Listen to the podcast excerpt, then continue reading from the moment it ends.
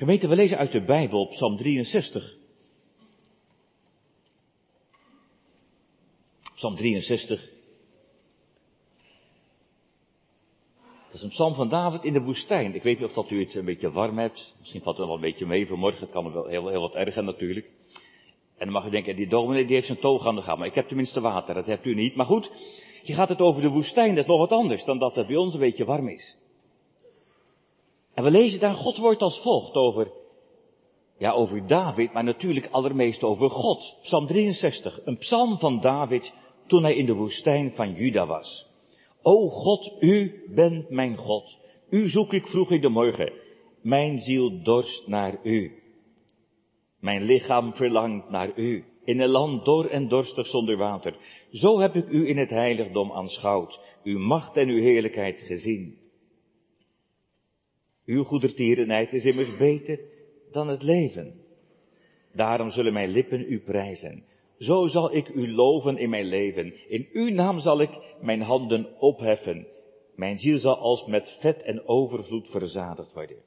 Mijn mond zal roemen met vrolijk zingende lippen. Wanneer ik aan u denk op mijn bed, over uw pijnzin in nachtwaken voorzeker. U bent een helper voor mij geweest. Onder de schaduw van uw vleugels zal ik vrolijk zingen. Mijn ziel klampt zich aan u vast, komt achter u aan. Uw rechterhand ondersteunt mij. Maar deze, die mij naar het leven staan, omdat de verwoesten komen in de laagste plaatsen van de aarde. Men zal hen neerdoen storten door het geweld van het zwaard. Zij zullen de vossen ten deel zijn. Maar de koning zal zich in God verblijden. Al wie bij hem zweet zal zich beroemen, want de mond van de leugenaars zal gestopt worden. Tot zover. De tekst voor de preek van morgen is vooral het tweede vers. O God, u bent mijn God. U zoek ik vroeg in de morgen. Mijn ziel dorst naar u. Mijn lichaam verlangt naar u in een land dor en dorstig zonder water. Het thema voor de preek is dorsten naar God. Dorst naar God. Gemeente, ik heb dorst. Ja, als je dat hoort, dat iemand zegt ik heb dorst, dan weten we allemaal wat dat betekent. Zeker in deze warme dagen. Je bent druk geweest, of misschien jullie jongens en meisjes, je, bent op school geweest en het is al warm, maar je, je rent naar huis en je vliegt de keuken binnen. Mam, ik heb dorst. Ja, wat wil je dan? Nou, dan wil je wat water natuurlijk, of wat limonade, je wilt wat drinken. Nu gaat het in de tekst ook over dorst. David heeft dorst, nou dat kun je begrijpen. David is in de woestijn. Er staat in vers 1 dat hij is in de woestijn van Juda. Nou, misschien bent u daar wel eens geweest in die woestijn van Juda. Als je komt in het beloofde land, vooral die streek ten oosten, ook een beetje zuid, oosten van Jeruzalem. Ja, dat is al, allemaal dor en droog en, ja, dat is de woestijn. Daar, daar heb je niet zomaar water. David schrijft het ook. Hij zegt, het is een land dor en dorstig. Zonder water. Vers 2. Het land is dorstig. En David zegt, ik ben ook dorstig. Dorst naar water. Toch, toch gaat het hier niet alleen over dorst naar water. Want dat verlangen naar water brengt David bij een ander verlangen. Een verlangen dat veel dieper gaat. Het verlangen naar God. Dat is ook het thema voor de preek. Dorst naar God. Begrijpt u dat? En jullie jongens en meisjes, weet je wat dat is? Weet je wat dat is? Dat je, dat je dorst hebt naar de Heere God. Dat je dorst hebt naar de Heere Jezus. Dat je als het ware zo verlangt naar Jezus meer dan naar iets anders. Dat je denkt, wat er ook gebeurt, ik, ik heb zo verlangen naar Jezus. Jongens en meisjes, heb je dat wel eens dat je denkt, dat zou ik nou willen, dat ik, dat ik heel dicht bij de Heer Jezus ben. Ja, als, als het ware bij de Heer Jezus op schoot. Zo dicht bij Hem. Dat je veilig bent bij Jezus. heel dicht bij Jezus. Dat is eigenlijk wat David hier zegt. Dat is die tekst, dat tweede vers. O God, u bent mijn God. U zoek ik vroeg in de morgen. Mijn ziel dorst naar u. Mijn lichaam verlangt naar u. In een land dor en dorstig zonder water. Dorst naar God. Psalm 63 is al een heel oud lied. De psalmen zijn wat dat ook de oudste liederen. En door de eeuwen heen hebben de gelovigen zich herkend in de woorden van deze psalm. Een van de kerkvaders uit de vroege kerk, Chrysostomus, die zei, dit is eigenlijk een psalm die elke dag gelezen zou moeten worden. En dat deed hij zelf ook. Een verlangen, een psalm om het verlangen naar God op te wekken. Een psalm ook om het verlangen naar God te versterken. Je vindt bij de kerkvaders, ook zoals Augustinus bijvoorbeeld, ook dat ze deze psalm allereerst zien als een profetie van Christus. Dat zijn wij denk ik niet zo meer gewend. Maar we kunnen er wel van leren. Want, want de Heere Jezus heeft de schriften in vervulling gebracht. Dat lezen we telkens weer in het Nieuwe Testament. En de Heere Jezus heeft ook deze psalmen in vervulling gebracht. Je ziet heel vaak dat hij de psalmen citeert. Dat hij zelf ook leeft in die psalmen. En dat gaat ook voor deze psalm. En daarom wil ik vanmorgen allereerst samen met u nagaan hoe hij deze schriftwoorden vervult. Dus dat we eerst die psalm lezen vanuit Christus. En dan denken we aan de Heer Jezus. En dan lees je over die woestijn. De woestijn van Juda. Nou, ik vroeg net, bent u daar geweest? Nou, de Heer Jezus is daar wel geweest. In ieder geval, hij is daar geweest. In diezelfde woestijn. En de Heer Jezus heeft die dorst ervaren, net als David. Hij kent die plek. In die woestijn is hij verzocht door de duivel. Maar als je verder denkt, je zou eigenlijk heel het verblijf van de Heer Jezus op aarde kunnen vergelijken met een, verblijf in de woestijn. Als je dat vergelijkt met de hemelse heerlijkheid bij zijn vader, waar die vandaan kwam. En toch wilde hij die hemelse heerlijkheid verlaten om hier op aarde te komen, als het ware in de woestenij, in de dorheid van deze wereld, buiten het paradijs. En toch wilde hij hier komen, juist in deze wereld, die God verwel heeft gezegd, hier wilde hij komen, om te redden wat verloren was. Dat het was niet makkelijk voor de Heer Jezus, dat kunt u wel begrijpen, en jullie ook. Dat was ontzettend moeilijk voor hem, want hij kon in de hemel blijven. En dan komt hij hier op aarde met alle narigheid en rottigheid en oorlogen en weet ik allemaal niet wat. En toch wilde hij hier komen. Als een woestijn. Maar, maar juist als een vader zo ver weg lijkt hier op aarde. Als de hemelse vader zo ver weg lijkt, wat merk je dan aan Jezus? Nou, dat hij des te meer verlangt naar zijn vader. Hoe merk je dat dan? Nou, nou heel concreet. Je merkt aan Jezus dat hij niet echt gelukkig wordt van geld.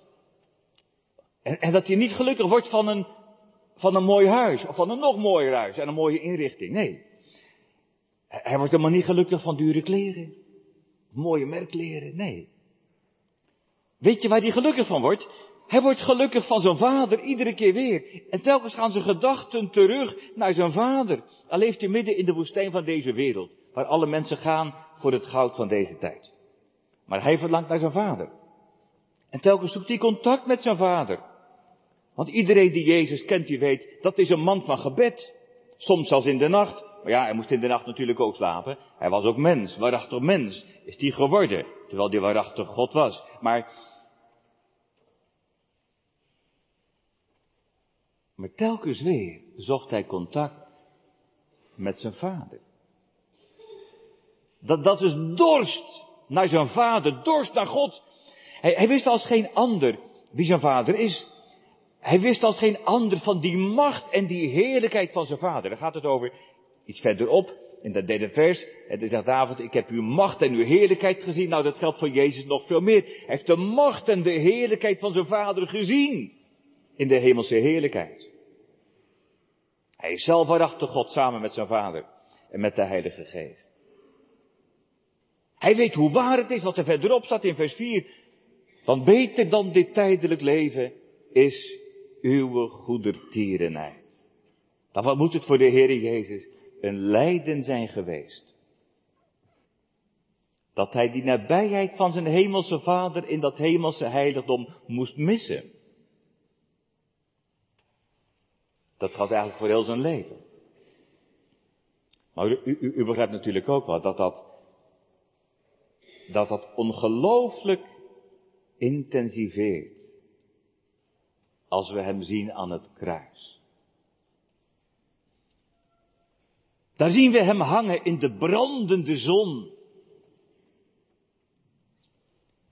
Daar zien we hem letterlijk dorsten. Hij zegt het ook mij, dorst. Daar heeft hij zo vreselijke dorst aan dat kruis, dat zelfs de soldaten medelijden krijgen, die hem net hebben vastgespijkerd. Ze krijgen er gewoon medelijden mee en ze geven nog wat van die rarigheid. Maar goed,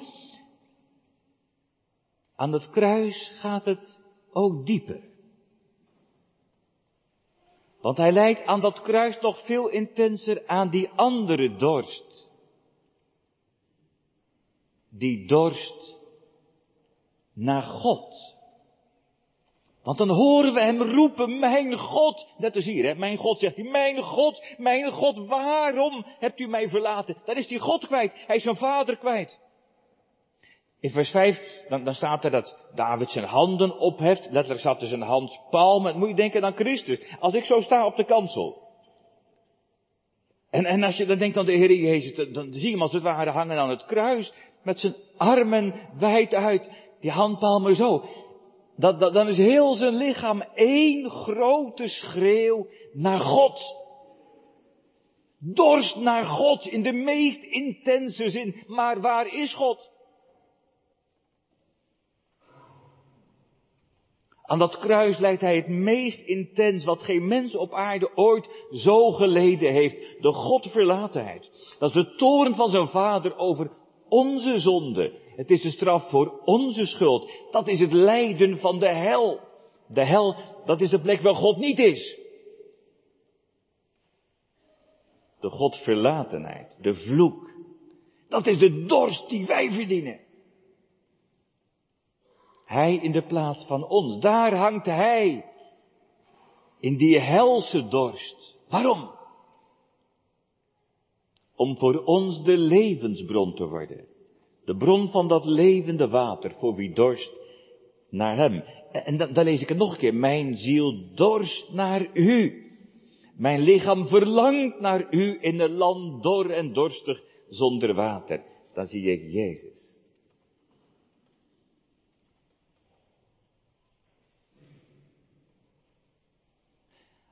Als het over die dorst naar God gaat, herken je dat in je eigen leven? Of zegt het je helemaal niks? Dit je dorst naar water, dat begrijp ik, maar dorst naar God, daar kan ik niks mee. Nou, als je, als je wel dorst naar God en verlangt naar God, dan wil ik wel vragen, heb je dat nou van jezelf? Of is dat nou het werk van de Heilige Geest? Ik bedoel, als het gaat over onze dorst naar God, dan is de Bijbel heel radicaal. Dat we uit onszelf wel dorsten naar van alles en nog wat, maar niet naar God. Wij zijn zonen en dochters van Adam. Wij worden niet geboren als mensen die verlangen naar God. Als mensen die God zoeken, was het maar waar. Waar zijn we mee bezig in onze gedachten? Wat wil je eigenlijk? Waar verlang je naar? We weten allemaal dat de sociale media heel veel aandacht vragen. Dan ben je bezig met je vrienden, je wil dingen delen. Maar waar is God? In onze gedachten. We maken plannen voor de vakantie en van alles en nog wat. We willen dit bereiken, dat bereiken, opleiding doen. Maar hoeveel moeite doen we om ons te concentreren op God? Denk eens aan je gebeden. Het is natuurlijk geweldig dat we bidden. Maar hoe zien die gebeden eruit? Is het, is het misschien dat we vragen, Heere God, wilt u dit? Heere God, wilt u dat? Wilt u dat? Wilt u me dit geven? Wilt u dat geven? En nog iets voor iemand anders? En allemaal verlanglijstjes. En dat is allemaal goed. Je mag alles aan de Heere God vragen. Dat wil hij echt. Je mag voor de kleinste dingen bij God terecht. Maar, maar wat moet God ervan denken als het daarbij blijft? Ik bedoel, wat moet God ervan denken als wij wel van alles willen krijgen van God? Maar als we helemaal niet echt verlangen naar God zelf. Waar verlangen we naar? Ik sluit mezelf daarbij in. Begrijp je wat ik zeg? Als ik zeg dat je schrikt van jezelf als de Heilige Geest je confronteert met jezelf. Wat een verschil met Jezus. We begonnen met Jezus, maar wat een contrast met ons. Dan noem ik drie dingen die voor ons geweldige triggers zijn. Dat is het verlangen naar eer, het verlangen dat je gezien wordt, het verlangen naar seks en, en het verlangen naar geld. En als je dan denkt aan Jezus, als het gaat om die eer, wat zijn wij vaak bezig dat, dat we maar gezien worden, dat we maar gerespecteerd worden, dat we geëerd worden, dat wij de eer krijgen. Ja toch? Je wilt graag gezien worden. Als wij maar aandacht krijgen en denken aan Jezus, waar was hij druk mee? Dat hij de eer kreeg of hij, hij was helemaal geconcentreerd op de eer van zijn vader. En, en als het over seks gaat, je kunt je afvragen of de Heer Jezus seksuele verlangens heeft gehad. De Bijbel zegt heel eerlijk dat, dat Jezus verzocht is zoals wij in alle dingen. Maar dan zonder zonde. Dat kunnen wij bepaald niet zeggen. Jezus kent de verzoekingen van binnenuit, maar hij is zonder zonde. Wat een verschil met ons. Of je nu getrouwd bent, of misschien ongetrouwd door het leven gaat, net zoals de Heer Jezus. De Heer Jezus heeft wat dat betreft geen relatie gehad. Maar iedereen heeft zijn eigen of haar eigen strijd ook op dit vlak. Maar wie durft er vanmorgen te zeggen dat hij alleen maar heilige verlangens heeft? En dan Jezus. En, en als het over geld gaat, de Heer Jezus gaf helemaal niet om geld of om aardse schatten. Hij was gericht op de schatten van het hemelse koninkrijk. Hij wist als geen ander dat anderen, dat raken we toch kwijt. En uiteindelijk wist hij ook, het is toch allemaal van mij. Maar dat geldt voor iedere christen. Dat Jezus zegt, je bent een erfgenaam met Christus. Het is toch allemaal voor jou. Je mag er allemaal in delen. Maar je moet er niet zomaar bezig zijn. Er zijn betere schatten. Het koninkrijk van God. Wat een verschil met Jezus. Wat zijn wij vaak bezig met hebben. En nog meer hebben. En ik wil dit en ik wil dat. Wat laten, wat laten we ons telkens weer verstrikken in onze verlangens naar geld. Onze verlangens naar mooie spullen. Wat moet God daarvan denken? Wat moet God denken van ons dorsten? Van ons verlangen? Denk je er wel eens over na?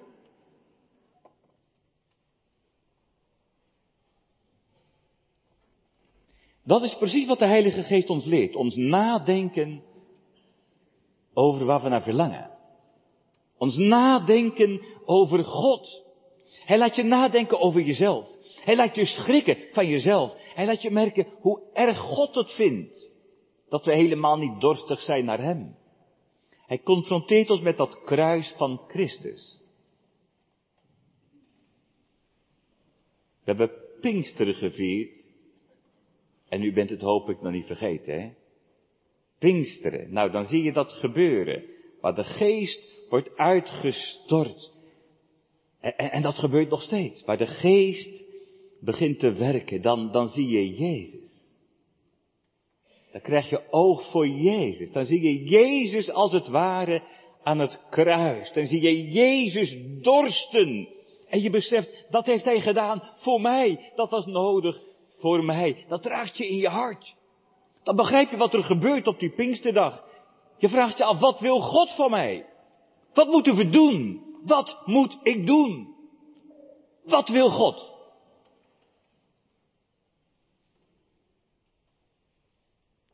Dat hoef ik u toch niet te vertellen? Wat wil God nou van jou en van u en van mij? Dat weet u toch wel? Wat wil God nou? Wat wil God? Ja, laat ik het zo zeggen, dat je komt bij Hem voor het eerst of telkens weer. Dat je komt bij Hem, dat je komt bij Jezus en dat je blijft bij Jezus. Dat is nou waar het om, gaat in het geloof. Dat is geloof en bekering. Dat je breekt met je oude leven zonder God. Geloof in Hem. Dat doet, dat doet de Pinkstergeest. Die bewerkt dat. Die maakt je dorstig naar Jezus. Dat je bij Jezus komt en dat je bij Hem blijft. Want we hebben Jezus nodig. U hebt, u hebt vorige week heilig avondmaal gevierd, net als in Nijkerk. Nou, dan, dan, dan wordt de aandacht heel in het bijzonder geconcentreerd op het kruis. Op dat verbroken lichaam. Op dat vergoten bloed.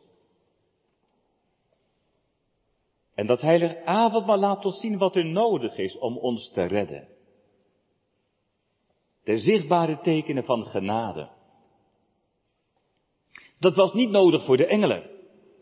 Toch? De engelen hadden geen heilige avondmaal nodig. De engelen hadden geen kruis nodig, geen, zalen maken. De engelen hebben nooit iets verkeerds gedaan, behalve de duivelen. De engelen hebben geen vergeving nodig, maar wij wel. We hebben dat kruis nodig. We hebben Jezus nodig. We hebben de zaligmaker nodig. We hebben zijn genade nodig. Maar wil Jezus mij wel? Dat is een heel belangrijke vraag. Wil Jezus mij wel? Want dat is niet normaal. Dat is niet normaal dat Hij ons wil, toch? Dat is niet normaal. Ben ik wel welkom? Maar wat zegt Hij?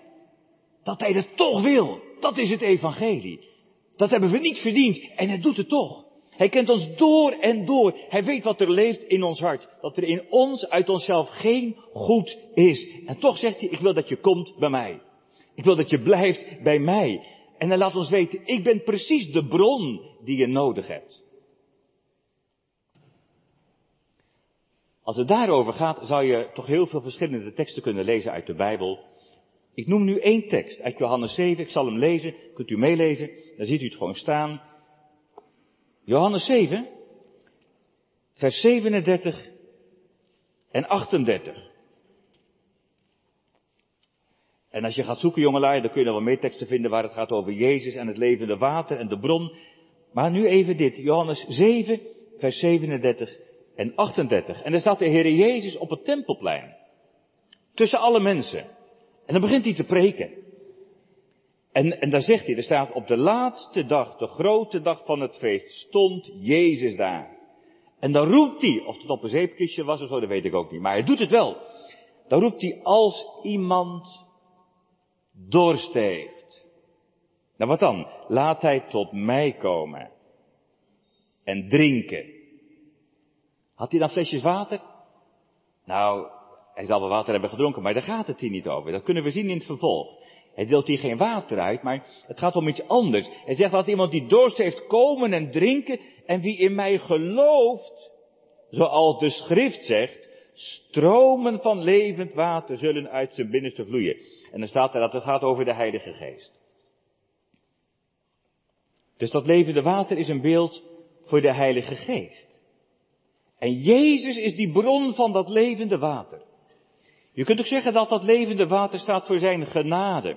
Voor de liefde die de Heilige Geest uitstort in ons hart. De vergeving, de reiniging. Dat is het water dat echt verzadigt.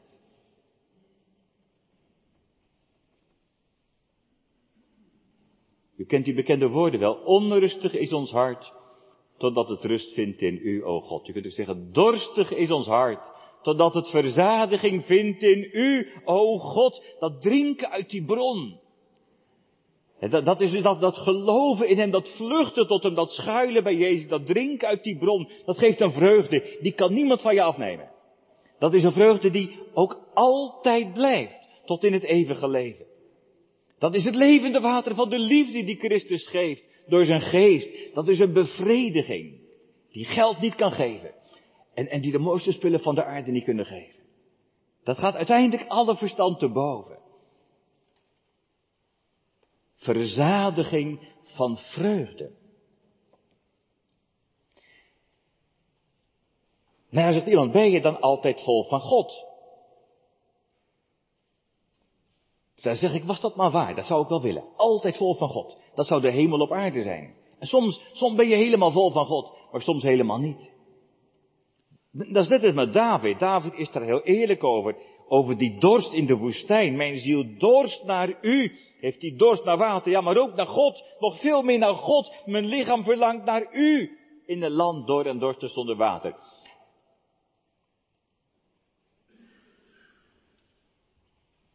Soms wordt wel eens de indruk gewekt, of soms verwachten wij misschien dat, dat het leven met Christus betekent dat je altijd vol bent van Hem. Dat je denkt, als ik maar geloof, dan, dan ben ik altijd vol van Jezus. En dat je altijd die volle verzadiging ervaart.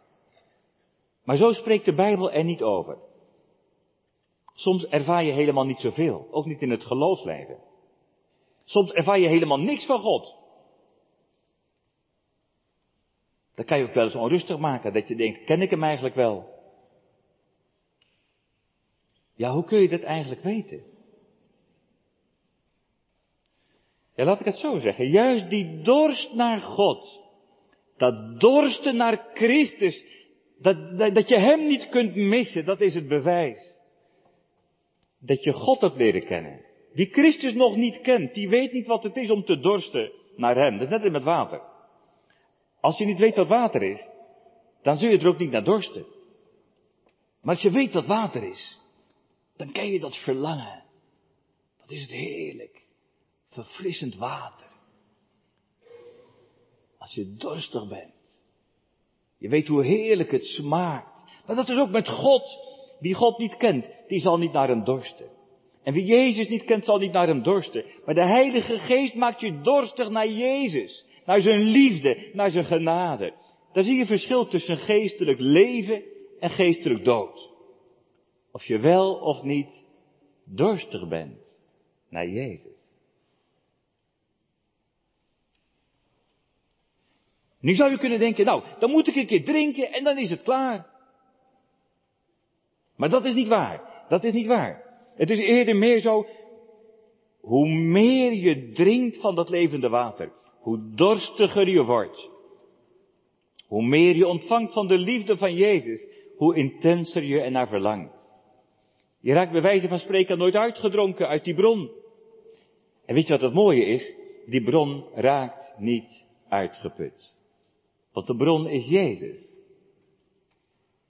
En in hem vind je een onuitputtelijke bron van liefde en van genade. Die bron heb je nodig. Die bron heb je nodig heel de levensreis door de woestijn van het leven. En weet u wat me dan opvalt in Psalm 63? Hoe belangrijk het huis van God voor David is. Als David in de woestijn is, dan kan hij niet naar de tabernakel of wat het ook maar geweest is als een plek van God, een huis van God, maar hij verlangt er wel naar. Ja, waarom verlangt hij naar, naar het huis van God? Nou, daar heeft hij zulke kostbare herinneringen aan. Hij zegt, daar heb ik iets van God gezien. Zijn macht en zijn heerlijkheid. In vers 3 staat dat, hè? Ik heb daar iets van God gezien. Ja, hoe moet je je dat dan voorstellen? Kon die God gewoon zien zitten, bijvoorbeeld op een stoel of zo, zoals daar? Of stond God op de kansel of zoiets? Dat, dat kan natuurlijk niet. Dat kan niet. Nee. Je kunt God niet gewoon zien. Dat kan niet voor de mens. Als wij God zouden zien, dan zegt de Bijbel, dan zouden we, dan zouden we vergaan. We kunnen die glans niet verdragen. Daar is God te groot en te heilig en te heerlijk voor. Geen mens kan mij zien en leven, zegt de Bijbel. Maar wat bedoelt David dan als hij zegt dat hij God gezien heeft? Dan gaat het over het zien in het geloof. En als je dat wat doorvertaalt naar nu, je zit in de kerk. En je hoort de preek, net als altijd. De ene keer raakt het je, de ene keer, de andere keer helemaal niet zo. Maar, maar dan ineens word je persoonlijk aangesproken. Dan, dan, dan besef je, dit is van God. Dat kon die dominee niet weten, maar God wel. En het raakt je tot in je binnenste. Of, of met het zingen bijvoorbeeld. Dan hoor je de mensen zingen en je zingt gewoon mee of je zingt niet mee. Maar, maar, ineens, ineens doet het wat met je. Ineens raakt het je, dan, dan word je overweldigd door het gevoel van zijn heerlijkheid. Zo moet de koning eeuwig leven. Bid elk met diep ontzag. Soms val je jezelf zo tegen, dan, dan zit je met jezelf helemaal in de knoop. En dan die onvergetelijke woorden. Maar nee, daar is vergeving. Altijd bij u geweest. Soms kun je zo onrustig zijn, zo, zo angstig voor de dingen die gebeuren. Dan denk je van Oekraïne, wat zal daarvan komen? Of, of, over heel andere dingen, de technische ontwikkelingen, de kunstmatige intelligentie. En wat, wat, wat, moet ik daarvan denken? En wat zal er gebeuren? En, en, en dan ineens, wat, wat de toekomst brengen mogen. Mij geleid des Heeren hand. Dat je ziet op Jezus, die, die het zegt, ja maar, ik ben met u alle dagen, niet tot halverwege, maar tot de voleinding van de wereld. David denkt terug aan wat hij van de Heeren gezien heeft in het huis van God. Daar mag je aan terugdenken. Wat je gezien hebt van God in het huis van God. Ja, misschien ook wel tijdens het heilige avondmaal. Of in de week van voorbereiding of daarna. Of toen je beleidenis deed. Of een ander bijzonder moment. Dan merk je ook wat is het belangrijk dat je er bent hè, in de kerk. Als je jong bent of als je ouder bent, dat je er bent. Om in de gemeente geen doodlid, maar een levend lid te zijn. Hier hoor je over Jezus, over God, over de Heilige Geest. Hier wordt Hij verkondigd. Hier woont Hij zelf. Hier wordt zijn heil verkregen en het leven tot in eeuwigheid. Hier wekt Hij zijn liefde. Hier wekt Hij die dorst. En hier verzadigt Hij dat verlangen naar Hem. Die liefde die hongert en dorst naar Jezus. Nou zegt iemand, is het dan alleen in de kerk? Dat hoort u mij niet zeggen. Het kan ook tijdens een, een, een conferentie bijvoorbeeld. Het kan ook in je eigen stille tijd. En natuurlijk kan het ook in de natuur, het kan overal. David heeft het ook over die stille tijd. Lees maar mee. Hij zegt, hij zegt, o God, u bent mijn God, u zoek ik vroeg in de morgen. Vroeg in de morgen, dan is het vaak nog een beetje rustig. Dan zijn je gedachten nog niet zo op hol. Om de dag te beginnen met God. Wat is dat kostbaar? Dat je de dag begint met God. Er staat niet bij hoe lang het moet duren, maar als je maar begint met God. Jij zegt iemand, dat lukt me niet. De wekker gaat en ik vlieg mijn bed uit en ik prop wat in mijn mond en ik ga weg. Ik heb helemaal geen tijd. Dan zoek dan een ander moment. Zoek dan een ander moment. Weet u wat wel mooi is? Er staat in onze vertaling, ik zoek u vroeg in de morgen. Zo kun je dat vertalen. Weet u dat je het ook anders kunt vertalen? Je kunt het ook vertalen als intensief zoeken.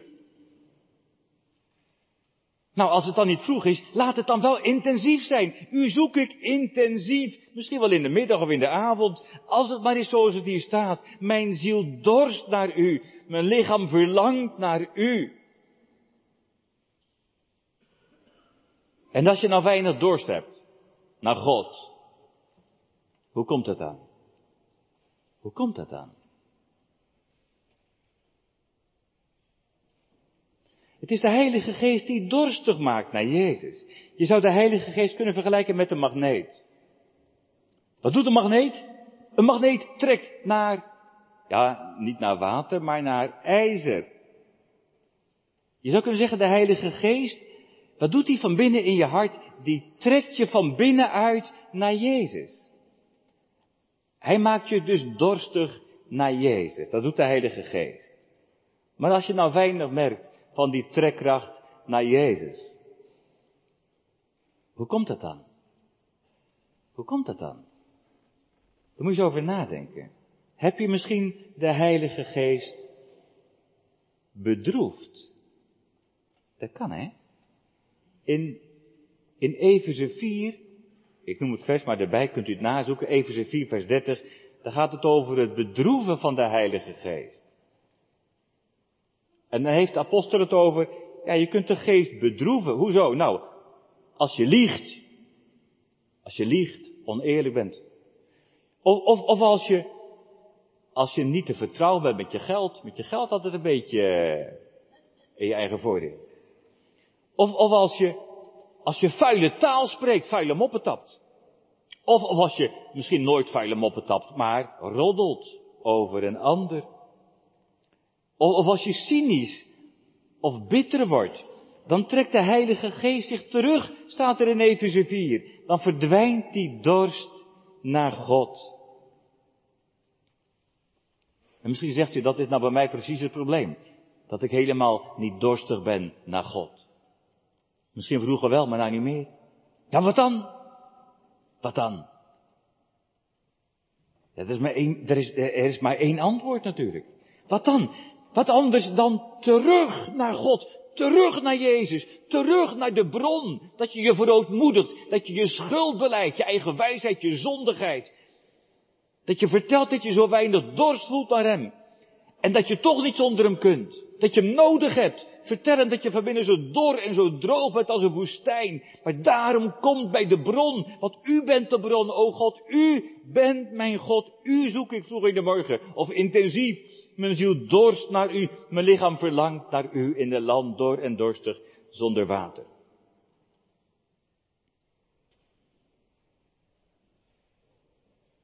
Dat is wel bijzonder, hè? Dat hij juist, juist hier zo dorstig is naar God. Juist in de woestijn. Dat begrijpt u wel, denk ik. Juist in die woestijn. Dat was een moeilijke tijd voor David. Hij was op de vlucht. Hij was van huis en haard verdreven. Allemaal ellende meegemaakt. Zal het ooit nog goed komen in mijn leven? Hij is in gevaar. Het gaat over vijanden. Het valt niet mee in de woestijn voor David. Maar juist in die moeilijke tijd merken we dat intense dorsten naar God. Ja, veel meer als wanneer die later in een prachtig paleis zit. Dat is wel veelzeggend, hè? Dat hij juist in de woestijn zo verlangt naar God in die moeilijke tijd in zijn leven. Augustinus zegt dan, soms neemt de Heere God ons wel eens wat af omdat hij ons iets beters wil geven. Hij zegt, heel veel dingen die we graag willen hebben, die krijgen de goddelozen ook. Maar ja, dat raken we allemaal weer kwijt. Hij zegt, God wil ons iets beter geven. En soms neemt hij ons daarvoor iets af, brengt hij ons bij wijze van spreken in de woestijn. Want dat is de bedoeling. Dat we ons leven zoeken en vinden buiten onszelf in Christus. Dat het ons gaat om de Heer Jezus. Daar begon ik mee dat dorsten naar Jezus. O God, u bent mijn God. U zoek ik met verlangen. Zo ras wij het morgenlicht ontvangen. Mijn lichaam en mijn ziel dorsten naar u. Ja, dan kun je uitzien naar een oase. En die geeft de Heer God op allerlei manieren. Die heb je vorige week ook gehad een oase als het ware aan het heilige avondmaal. Dan word je verkwikt, versterkt. Het kan ook op andere wijze. Maar ten diepste is hier de uiteindelijke verzadiging niet. Het is voor een tijd, maar we moeten verder. Door de woestijn. Maar het einddoel ligt boven. Dat hemelse heiligdom, waar het over gaat, hè. Dat je in dat hemelse heiligdom Hem zult zien, u in gerechtigheid aanschouwen, uw macht en uw heerlijkheid zien. Daar zal het dorsten naar God overgaan. In het zien, het zien van God zoals Hij is, verzadigd met zijn goddelijk beeld. Of zeg je, dat kan me niks schelen. Hou maar gauw op. Heb je nog geen dorst naar Jezus? Dat kan. Dat kan. Dat je helemaal geen dorst hebt naar Jezus en naar zijn liefde. En als je geen dorst hebt naar Jezus, dan zul je daar niet komen. Wat wil je in de hemel als je niet dorst naar Jezus? Daar heb je er niks te zoeken. Maar wat zegt Jezus? Dat is niet wat hij wil. Hij wil dat je komt bij Hem. Hij wil je dorstig maken. Hij maakt je dorstig naar Hem. Hij zegt het zelf. En dat is het allerlaatste. In die bergreden, die zaligsprekingen, u weet wel. Matthäus 5, vers 6. Wat zegt Jezus? Zalig zijn zij, jongeren en ouderen. Zalig zijn zij die hongeren en dorsten naar de gerechtigheid. Je kunt ook zeggen die hongeren en dorsten naar Jezus en zijn gerechtigheid. Die hongeren en dorsten naar Christus. Want zij zullen verzadigd worden. Amen.